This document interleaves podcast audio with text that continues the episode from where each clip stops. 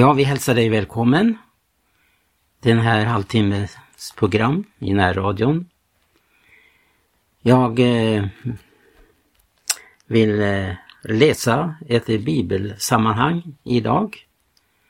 Och det är med anledning av att eh, på, vi på särskilt sätt här i Gullspång då vi har eh, eh, bön och bibelläsning så gott som varje dag då vi inte har möte på kvällen så har vi en stund då vi läser ett kapitel och beder här efter det vi har ätit lunch.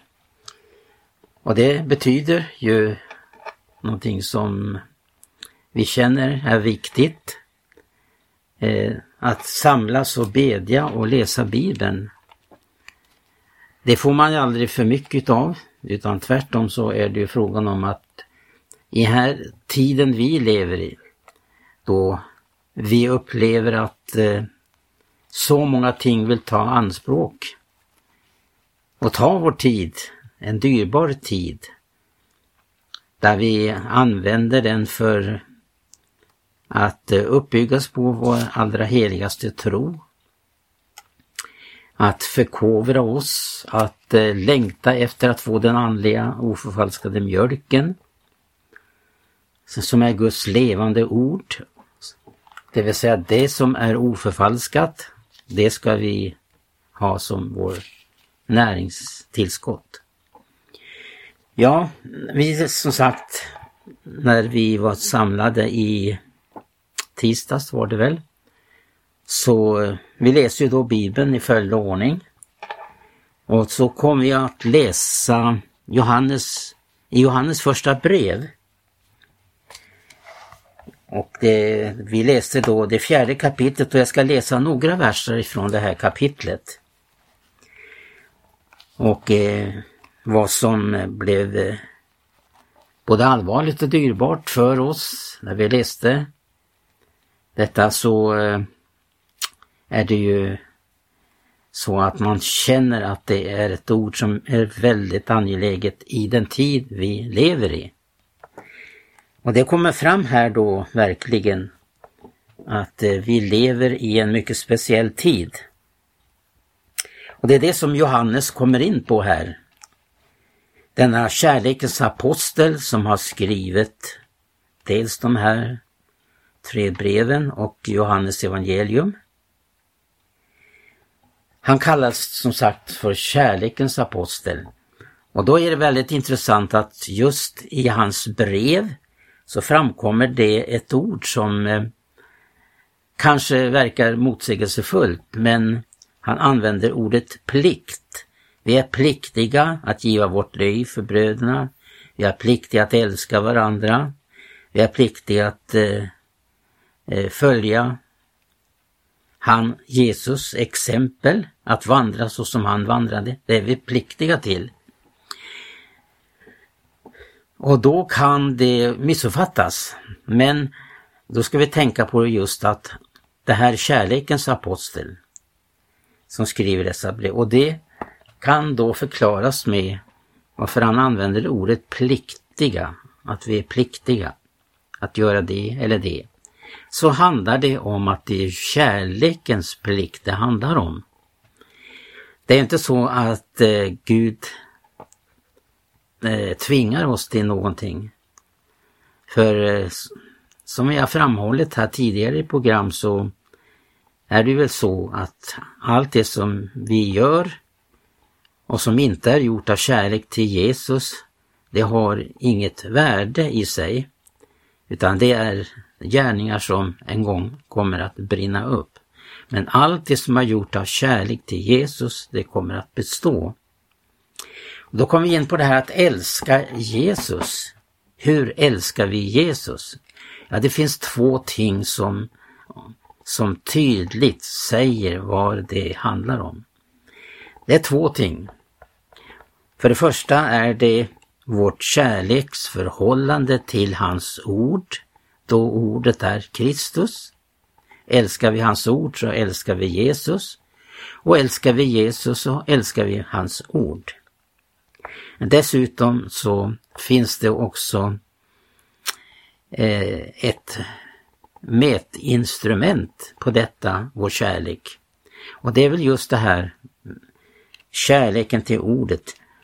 För just det här skriver Johannes om att där består kärleken till Gud, att vi håller hans bud. Och hans bud är icke tunga, de är icke tunga, där vi upplever den gudomliga kärleken i våra liv. Att det är Guds kärlek som är vår drivkraft. Och vi får ju bli påminda om gång på gång i, i eh, det som apostlarna förmedlade. Att eh, förnyas i den kärlek som eh, vi först fick uppleva när vi tog emot frälsning. Då fick vi smaka att Gud älskade världen så högt att han utgav sin enfödde son. Det var en eh, andlig upplevelse. Men denna kärlek den kan ju bli, få utvecklas allt mer, att växa till i nåd och kunskap och kärlek. Det var Paulus angelägen om att påminna. Det är tragiskt då en troende människa stannar till i sin ut, andliga utveckling. Att hon inte förnyas mer som är nödvändigt. Det handlar om faktiskt att eh, ska vi leva kvar i den första kärleken måste vi förnyas i den. Och det får vi också veta av Paulus så förnyas nu genom anden som bor i våra sinnen. Men för att återgå till det här bibelsammanhang som eh, blev verkligen en väckarklocka på nytt igen när vi läste i Johannes första brev. Och det handlar då om att pröva andarna. Eh, rubriken till fjärde kapitlet heter ju så, uppmana att pröva andarna, att älska Gud och att älska bröderna. Men det är just det här, det som eh, är angeläget för vår tid, det är att pröva andarna. Och Jesus varnar ju speciellt för detta sista tiden att många falska profeter kommer att uppstå för att om möjligt förvilla också de utvalda. Och jag läser där då ifrån första versen i fjärde kapitlet i Johannes första brev. Mina älskade, tron icke var och en ande, utan pröva andarna huruvida det är av Gud. De många falska profeter har gått ut i världen. Därpå skulle ni känna igen Guds ande, att var och en ande som bekänner att Jesus är Kristus, kommen i köttet, han är av Gud. Men var och en ande som inte så bekänner Jesus, han är inte av Gud. Den anden är antikrist ande, om vilken ni har hört att den skulle komma och som redan nu är i världen. I kära barn, i ären av Gud och haven övervunnit dessa, ty han som är i eder är större än den som är i världen. Det är av världen, därför talar det av, av eh, talar vad som är av världen och världen lyssnar till dem. Vi åter är av Gud. Den som känner Gud, han lyssnar till oss och den som icke är av Gud, han lyssnar inte till oss. Härpå känner vi igen sanningens ande och villfarelsens ande. Det tog en tid i mitt eh, liv att studera skriften då jag kom till full klarhet i detta. Vad menar Johannes med detta, den som så bekänner Jesus? En, en, alltså en bekännelse av Jesus. Den är helt avgörande. Det finns ju många Kristusbilder. Det finns ju det som man skapar sig en egen bild av Kristus. Det här att eh, man ofta blir påminn om, både i eh, sammankomster och i skriften, är just det här att eh, det, det handlar om vilken Kristusbild man har. Om den är ifrån ursprunget eller om det har mer med en tradition att göra. Många litar sig på traditioner och forskar aldrig inte in vad skriften egentligen menar. Och det här just uttrycket som jag sa, det tog en tid för mig att eh, få grepp om detta, om bekännelsen om Jesus. Att bekänna Jesus. Eh, var och en ande som inte så bekänner Jesus, han är icke av Gud. Den anden är antikrist ande om vilken har har hört att den skulle komma och som redan är i världen. Han säger också att dessa eh, som förespråkar den anden, alltså antikrist ande, hade sin begynnelse faktiskt i det, i det heligas församling. Då vi tänker oss det som skedde i begynnelsen när apostlarna förkunnade eh, den Jesus som anden hade uppenbarat för apostlarna och genom Jesu undervisning hade de fått grundläggande undervisning och förstå att Jesus kom hit ner för att uppenbara vem Gud är. Att få en sann bild av eh, hur Guds rike blev eh, uppenbarat i Jesus genom hans ord och genom hans gärningar. Just det här att Jesus Kristus, alltså Kristus betyder ju Guds smorde. Att Gud har gett sitt erkännande till denne Jesus som en gång vandrade här i tiden. Så som han uppenbarade Faderns vilja så innebar att han är den som Gud har smort. Han är Guds smorde. Det vill säga Gud har gett sitt erkännande till på det sätt som Jesus uppenbarade sig. Han var verkligen vad han säger om sig själv. Han var både vägen, livet och sanningen. Nu när eh, aposteln Johannes tar upp den här undervisningen så, så påminner han om att dessa då som blir ett föremål för antikrist ande var de som var hos de första lärjungarna. Men då kan man fråga sig, var var det som gjorde att de eh, gick ut ifrån den gemenskapen och den undervisningen som var befäst i den första tiden. För så länge apostlarna var bland eh, de första kristna så var man befäst i en sann Kristusbild och apostlarna arbetade för att förkunna eh, den Jesus som Gud har sänt. Det finns ju många bekännelser av Jesus då och eh, här var det frågan om att man övergav den Jesus som eh, apostlarna förkunnade. Och eh, på det viset så Eh, kom man att blanda in någonting som var oäkta i det äkta.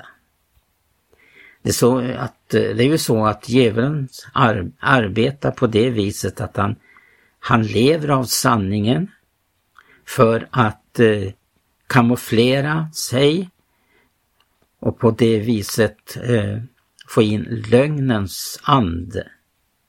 Han är ju, djävulen, han ju, kallas ju för lögnens fader. Och då man antog eh, eh, eh, främmande ting i den första församlingen så kunde de inte bestå eftersom man var befäst i den sanna förkunnelsen, Kristusförkunnelsen. Därmed så öppnar man för antikrist ande. Och det, han säger också att det är många antikrister som har gått ut i världen, men det kommer också en antikrist som kommer att eh, verkligen personifiera vad antikrist står för. Det är en som representerar någonting istället för Kristus och, och emot Kristus.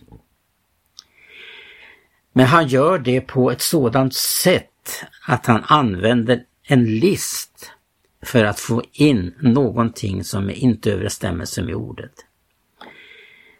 Det var ju det som eh, var så avgörande i den första församlingen under apostlarnas tid. Att man höll fast vid apostlarnas undervisning, står det. Att det var det som eh, skulle bevara dem i en sann Kristusbild. Och alltid så har kampen stått om den vilken Jesus man förkunnar. Och redan under Paulus tid, när han verkade, så varnade han väldigt skarpt inför detta att anta en annan Jesus, som han själv uttrycker det i första Korinthierbrevet. Om någon för, kommer att förkunna en annan Jesus än den vi har förkunnat, så fördragen i sådan allt för väl.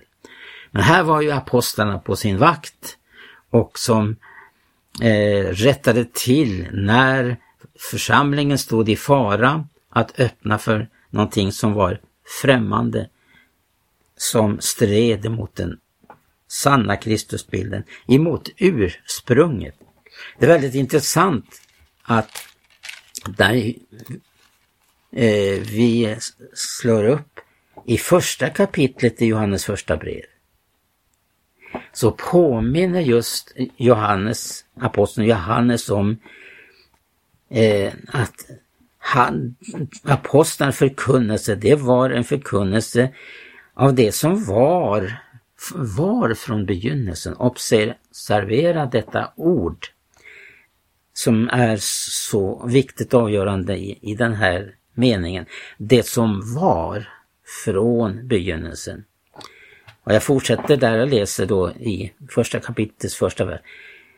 Det vi har hört och det vi med egna ögon har sett och det vi skådade och med egna händer tog på, det förkunnar vi. Om livets ord talar vi. Ty livet uppenbarades och vi har sett det och vi vittnar därom och förkunnar för eder livet, det eviga som var hos Fadern och uppenbarades för oss.